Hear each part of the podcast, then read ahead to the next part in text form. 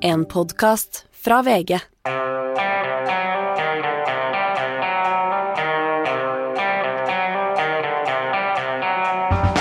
Forhandlingene i Tyrkia førte ikke frem. Når begynner de økonomiske sanksjonene å virke? Og er SV og Rødt snart klar for Nato? Det skal vi snakke om i denne utgaven av Gjever-gjengen. Det er torsdag den 10. mars. Og aller først, eh, Per Olav Ødegaard. Eh, Du hadde ikke all verdens tiltro til disse forhandlingene. Likevel virka du litt skuffet da det hele var over? Ja, Litt skuffet syns jeg var forsiktig sagt, Anders. Jeg syns det var virkelig nedslående og deprimerende å høre på den eh, lange pressekonferansen med Russlands utenriksminister Sergej Lavrov etter samtaler som da hadde vart i en og en halv time med hans eh, ukrainske kollega Koleba. Det var eh, eh, en russisk fortelling som vi har hørt, igjen, hørt mange ganger tidligere. eh, Og det var ingen tegn på at noen oppmykning i posisjoner som jeg klarte å spore, i hvert fall. Men var det noe særlig grunn til å være optimist? Eh, Fra Ukrains side så eh, sa Kuleba at hans intensjon var først og fremst eh, humanitær. Altså at man ønsket å prøve å få til eh, trygge korridorer, spesielt da fra Mariupol, den eh, beleirede byen.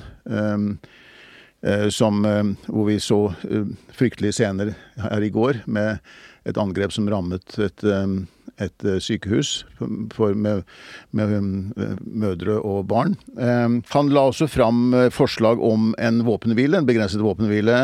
Ingen av delene var, ble bestemt på dette møtet. Ikke engang en sånn enkle ting som dette klarte man å komme fram til.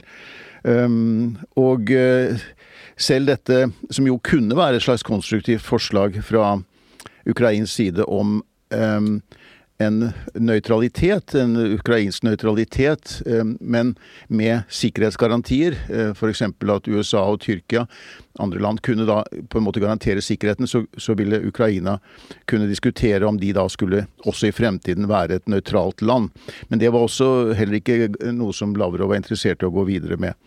Eh, han anklager, altså Russland anklager bare Vesten for å bruke Kiev og Ukraina som for å true Russland.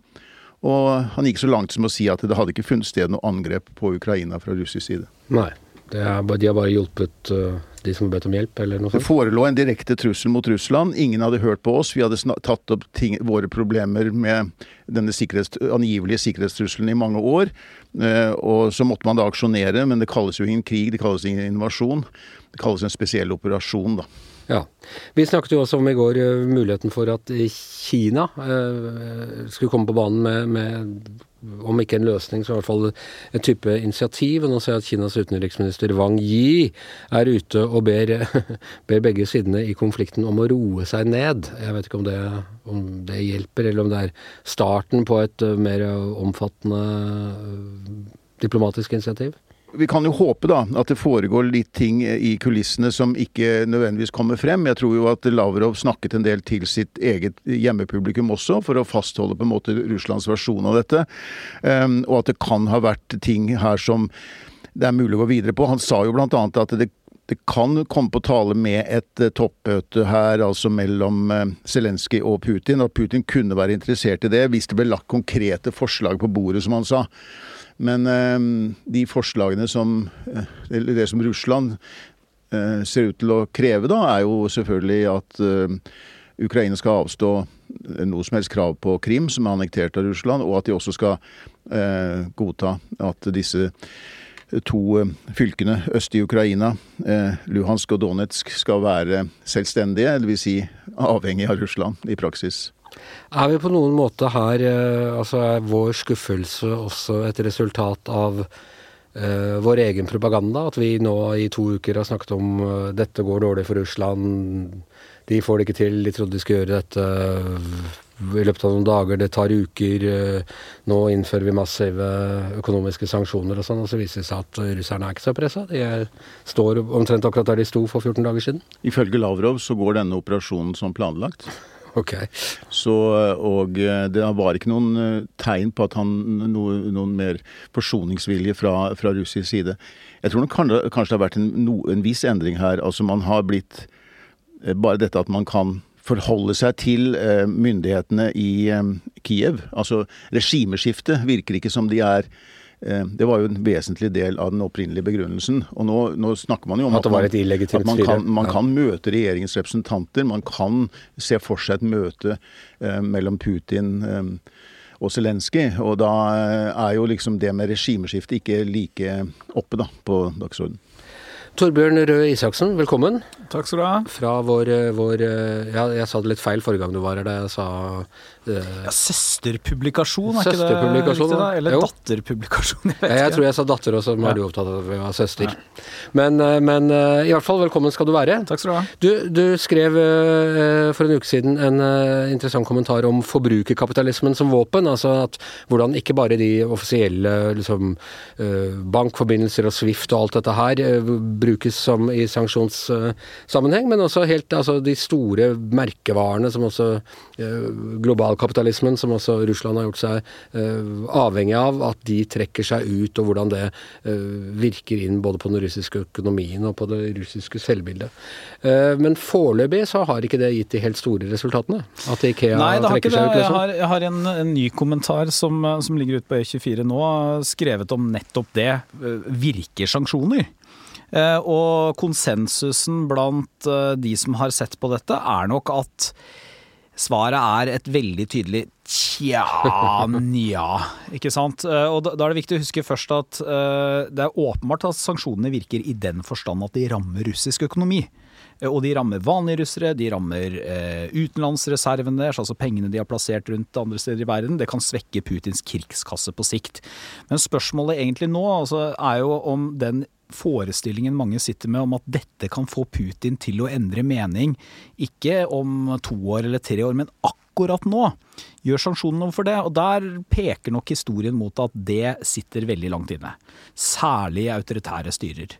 Eh, Og at konsekvensen av sånne sanksjoner eh, sjelden blir at eh, en diktator eller autoritær leder trekker seg tilbake. Sjelden blir at eh, han utfordres internt. Ofte blir at styresettet snarere strammer grepet.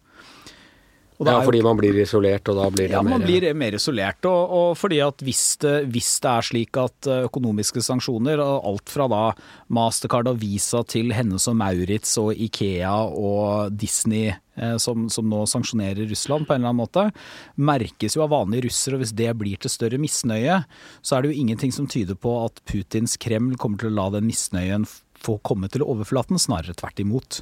Men vi har jo eksempler type Sør- Sør-Afrika i sin tid. Jeg vokste opp jeg med å boikotte alt mulig sørafrikansk, og til slutt virka det. Ja, og, og det betyr jo ikke at sanksjoner er dårlige eller dumme av den grunn. Eh, Jeg tror at i den situasjonen vi er i nå, så, så hadde det vært moralsk og politisk uholdbart for europeiske og andre da eh, skikkelige land rundt om i verden å ikke skulle ha en så massiv sanksjonspakke som vi jo har iverksatt mot Russland.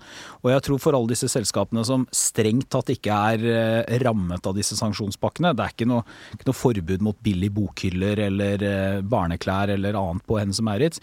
For dem så er det en kombinasjon av egeninteresse, altså de er redd for at de får ikke pengene ut, og de er redd for hvordan de vil se ut i opinionen, men også også der tror jeg det er, det er litt av denne moralske indignasjonen vi ser, altså mot noe som er så hårreisende.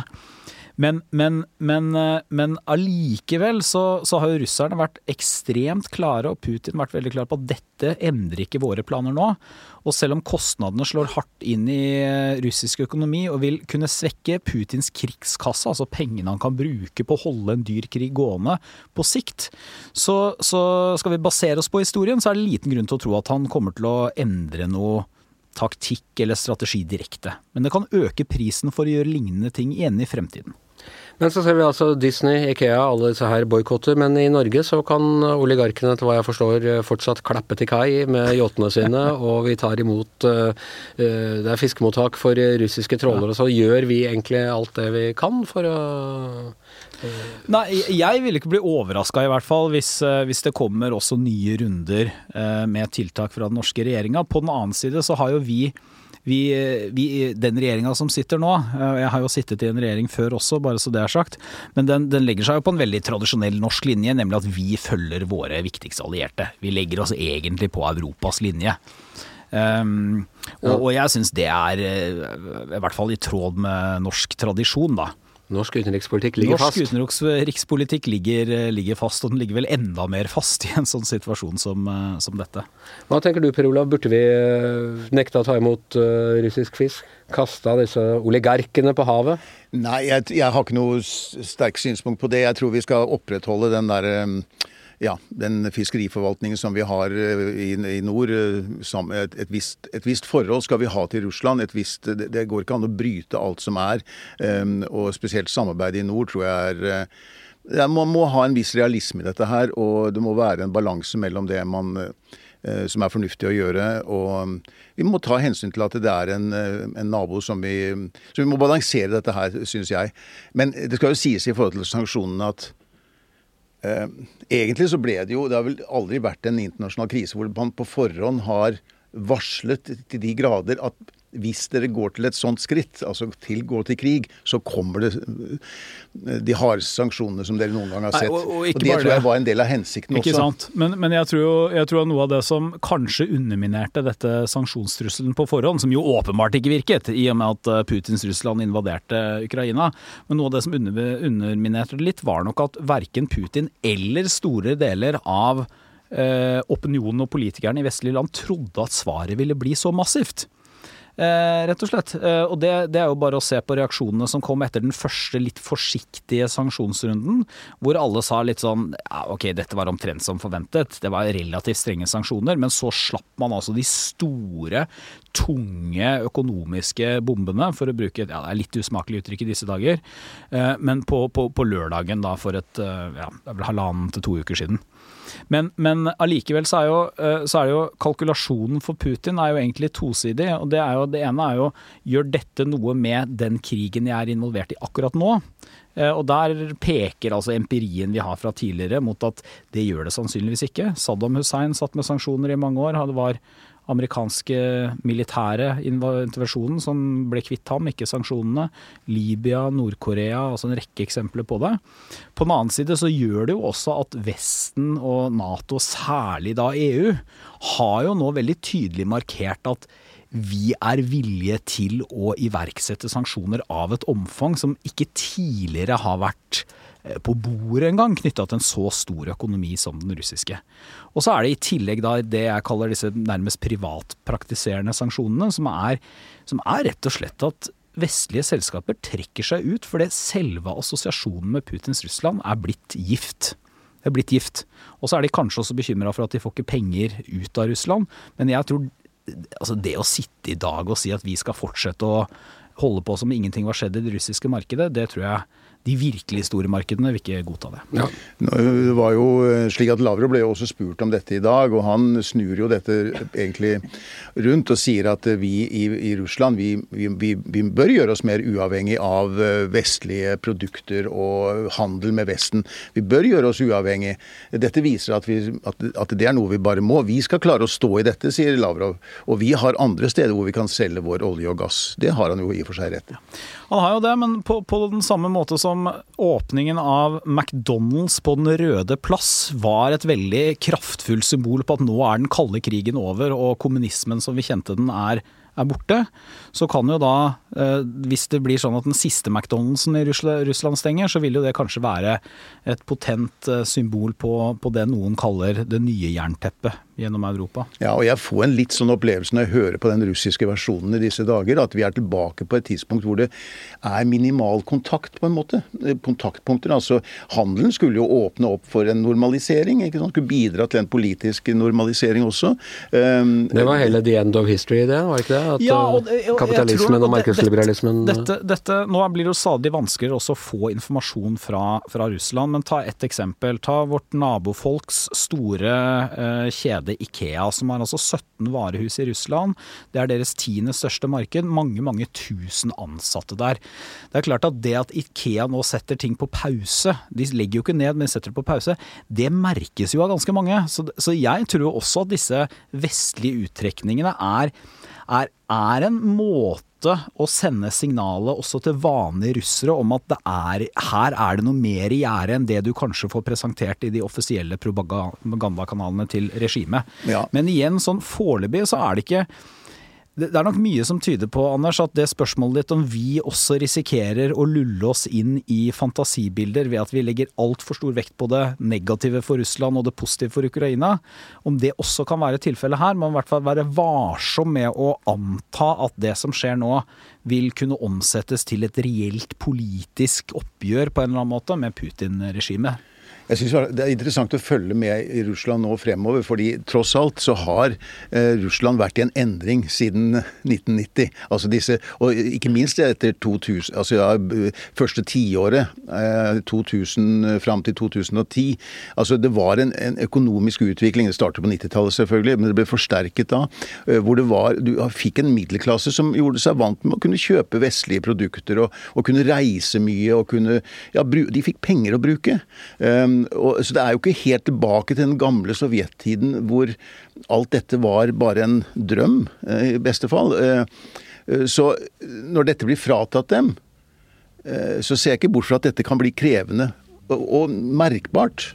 Og kanskje føre til et press internt. Men ikke bare i løpet av et par uker øh, nødvendigvis. Vi skal snakke om en annen ting. som altså Norsk utenrikspolitikk ligger fast. Den delen av norsk utenrikspolitikk som ikke ligger så fast som den pleier, det er Nato-standpunktet på øh, til venstre for Arbeiderpartiet, Hans Petter. Vi har vært litt inne på det tidligere, men det er altså vi hørte i går Rødts leder Bjørnar Moxnes på, på Politisk kvarter, og hører et lite klipp her. Men hevder du at Norge ville klart å stanse Russland hvis vi ruster opp med norske penger? Nei, det sa jeg jo ikke. Nei, så ditt, Altså, det- det- ditt alternativ er et forsvar som ikke ville kunne stå et russisk angrep, da. Eh, Din løsning hadde endt med russisk kontroll over Norge. Jeg tror ingen eh, norske politikere tror at et eh, norsk forsvar eh, over mange måneder, over et års tid, kunne stått imot et russisk angrep. Da måtte vel samtlige nordmenn deltatt. Du, du innrømmer selv at uten Nato-hjelp så ville Russland tatt Norge hvis de ville. Det var poenget. Altså, ingen, ikke noe norsk forsvar alene kan stå imot det over Nei. tid. Nei. øh, dette er jo øh, både SV og Rødt blitt konfrontert med mange ganger. Hvordan skal man klare seg utenfor de store, store internasjonale institusjonene? Men, men det er blitt enda mer aktualisert, får vi nesten si den siste tiden. Og jeg har hørt Bjørnar Moxnes mer selvsikker enn det han var i dette intervjuet. Ja, altså han er jo, han er jo en veldig stoisk eh, og samla debattant, eh, Moxnes, med et veldig tydelig budskap. Eh, Her syns jeg han ble veldig mumlete og veldig eh, usikker på hva han egentlig mente. Det er jo også uvanlig å høre Rødt ikke liksom stille spørsmålstegn ved om Russland i hele tatt er en, en trussel for Norge, da. Mens her får du, må du svare konkret, da, i og med at det foregår noe i Europa nå. Så, så det her, for, for den delen av venstresida som har opplevd en veldig framgang det siste halve året, så er jo eh, den krisen her eh, vanskelig å forholde seg til. Eh, Hvor skal man stille seg, hvordan skal man forholde seg til det som på en måte har vært grunnlaget nærmest for at de her partiene ble danna i sin tid? Aftenposten hadde en øh, undersøkelse de har tatt opp i fjor høst, omtrent rundt valget, som viste at altså det er jo en massiv Nato-mot- øh, Nato-støtte blant norske velgere. Og selv halvparten av Rødts velgere er jo mener at Norge blir øh, tryggere med Nato. Antagelig nå enda større etter at krigen brøt ut. Er det noen mulighet for dem egentlig realpolitisk å holde på øh, ut av Nato-standpunkt? Ja, altså For Rødts del så tror jeg ikke det er noe spørsmål om det i hele tatt. De, de, deres politikk eh, ligger nok fast, og at det skal være noe, noe, noe NATO, ja til Nato-Rødt. Selv om, når det er sagt, så du vet, Rødt kommer jo fra AKP-bevegelsen, og de var jo i sin tid veldig eh, opptatt av at det var like stor trussel fra Sovjet som det var fra USA, og, da, de forberedte seg på, faktisk på krig mot Sovjet i sin tid. Da. Så det ligger jo litt i deres eh, si, polit- ja. politiske politiske DNA også, at, at eh, de forholder seg til, til stormaktene. Altså. Men, men for SVs del så er det her mer interessant, for der er det jo faktisk et, en, en reell debatt nå. eh, der altså Oslo-partiet i SV eh, sist helg da eh, vedtok da at de, eh, at, at de mener at partiet må vurdere sin sikkerhets- og alliansepolitikk på nytt, inkludert spørsmålet om Nato og Nato-medlemskap. Og vi hadde en kronikk her i VG, det var, det var over 40 SV-ere som skrev på at nå må vi reorientere oss. Eh, og det er jo spennende. Det blir veldig spennende å følge med på. For da, da, da, er vi over med en, en norsk, et norsk ytre venstre som, som um, er i ferd med å rekalibrere seg i forhold til en, en verden som, som, jo dessverre er ja, det må vi bare innse. Det er snudd på hodet i løpet av bare en par uker. Jeg, jeg synes Hans Petter er inne på noe ganske viktig her. for Det er viktig å huske at det er ikke sånn at SV og Rødt har vært mot Nato uh, bare fordi Nato er dumt. Uh, eller vi tror ikke at Nato vil være der. Det, er, det handler jo om en, en rotfestet analyse på venstresiden i norsk politikk som nettopp har opphav i den kalde krigen, og som sier at uh, fra, særlig fra SVs side, og etter hvert av AKP og ML-erne også, at begge sider er, stormaktene er trusselen mot Norge. Og det ser man at uh, Uh, har et ekko av det fortsatt, når de sier at både Nato og Russland bryter folkeretten, og begge deler er en trussel mot freden og sånn. Og det debatten som kommer der, representerer jo egentlig i SV i hvert fall den endelige kollapsen til det verdensbildet. Uh, hvor noe av det oppsiktsvekkende er jo kanskje at det har vart så lenge etter den kalde krigen. På den annen side så har de kanskje også fått vann på mølla gjennom USAs Irak-invasjon f.eks., eller den bitre konflikten i SV om bombingen av Libya. Men eh, hvis du tar eh, Nato-spørsmålet fra en eh, gjennomsnitts-SV-er, tar du ikke partimedlemskapet fra han samtidig? Kan ikke han bare da like godt melde seg inn i Arbeiderpartiet? Nei, jeg tror ikke det. Altså, det, er, jo et gammelt, parti med masse egen identitet og den slags. Det, det, men det er klart altså, SV ble jo oppretta i sin tid eh, i, i, protest mot Arbeiderpartiets vestvending og, og Arbeiderpartiets uh, Nato-politikk. Men, men, så kan vi jo si at grunnen til at uh, og, og, og, SV har jo da vil jeg sagt at vi, vi vil satse på et nordisk forsvarssamarbeid som skal da på en måte balansere mellom stormaktene. Men, men, det er klart at grunnen, og det ville jo Gerhardsen også, og grunnen til at han snudde, var jo at russerne gikk inn i Tsjekkoslovakia i 1948. Altså at du fikk et kommunistisk kupp der. Og det er jo egentlig det, det som skjer nå, at nå er russerne tilbake. Og da er jo på en måte, viser jo at, at den analysen som da Gerhardsen og, og de i Arbeiderpartiet hadde allerede på slutten av 40-tallet, er riktig. Vi må Den er riktig igjen. Vi, vi kan, ikke stole på, eh, vi kan ikke stole på et digert eh, naboland som ligger rett ved siden av oss, som, som holder på på den måten å gjøre nå, som vi ser. Håkon, Håkon Lie fikk rett. ja, altså, Håkon, han var jo ganske brutal mot disse utbryterne. Du kan si at uh, Håkon Lie hadde jo sine sider. altså En, en udemokratisk partikultur og alt det greiene her. Men analysen av at, at vi, vi, er naboland med en, med et, en stormakt som, som bruker makt mot sine naboer, den Uh, fikk han jo rett i. Samtidig, altså dette var en helt annen tid, en helt annen kontroll over uh, medier, over uh, debatten. Altså vi, har, vi, har et helt annet system nå. Hvis liksom de to partiene som liksom har gått inn for alliansealternativer, for å si det på en litt pen måte, i norsk politikk, også skulle falle på plass der, eh, da tenker jeg at da får du et sånt virkelig elite mot et sånt uh, mer uorganisert uh, kommentariat på, på SoMe-programmet. Ja, også fordi at hvilke alternativer er det for allianser? Altså, det var jo lenge snakk, en slags ønskedrøm, en slags nordisk, forsvarsallianse. Nå ser du de har en, kommet langt i Finland med en debatt om de nå mellom partilederne der om man skal søke medlemskap eh, i Nato. Diskusjonen har også kommet til Sverige, selv om den svenske regjeringen for øyeblikket har satt litt bremsene på eh, når det gjelder det spørsmålet. Men det er en prosess i hvert fall, og det nordiske alternativet er ikke der. Ehm, men så tenker jeg også på at ting endrer seg så hurtig. Eh, selvfølgelig det som skjedde for to uker siden med den russiske invasjonen. Men hvis du går et par år tilbake i tid, og du hadde Donald Trump som president i USA, så fikk jo på en måte de på venstresiden øh, øh, vann på mølla. Altså, Hvordan kunne man stole på USA? Hvordan kunne man eh, basere vår sikkerhet på en president som Donald Trump, f.eks.? Ja, jeg husker at mange av dem likte Donald Trump òg. Ja. Kanskje det, men i alle fall, det ble brukt som et argument om at alliansen, den sterkeste medlemmet av alliansen, kanskje ikke var til å stole på. Men, men dette, dette, er jo, en av de tingene som jeg er helt sikker på kommer til å veie tungt inn i SVs debatt om dette. fordi at du kan ikke være med i Nato bare på godværsdager. Og det er klart at uh, en av de aller viktigste begrunnelsene for mye av det Norge har gjort, bl.a. i Afghanistan. Uh, vi var jo aldri med direkte i Irak-invasjonen, men vi, var, var, uh, vi sendte vel en del sånn ja, støtte, støttepersonale, i hvert fall. Det, det, Nato-medlemskapet vårt ligger i bunnen der. Og, og, og resonnementet som alltid har blitt brukt, det er jo at hvis ikke vi støtter amerikanerne, så, så, blir vi litt mindre sikre på at de kommer til å støtte oss når det virkelig trengs her.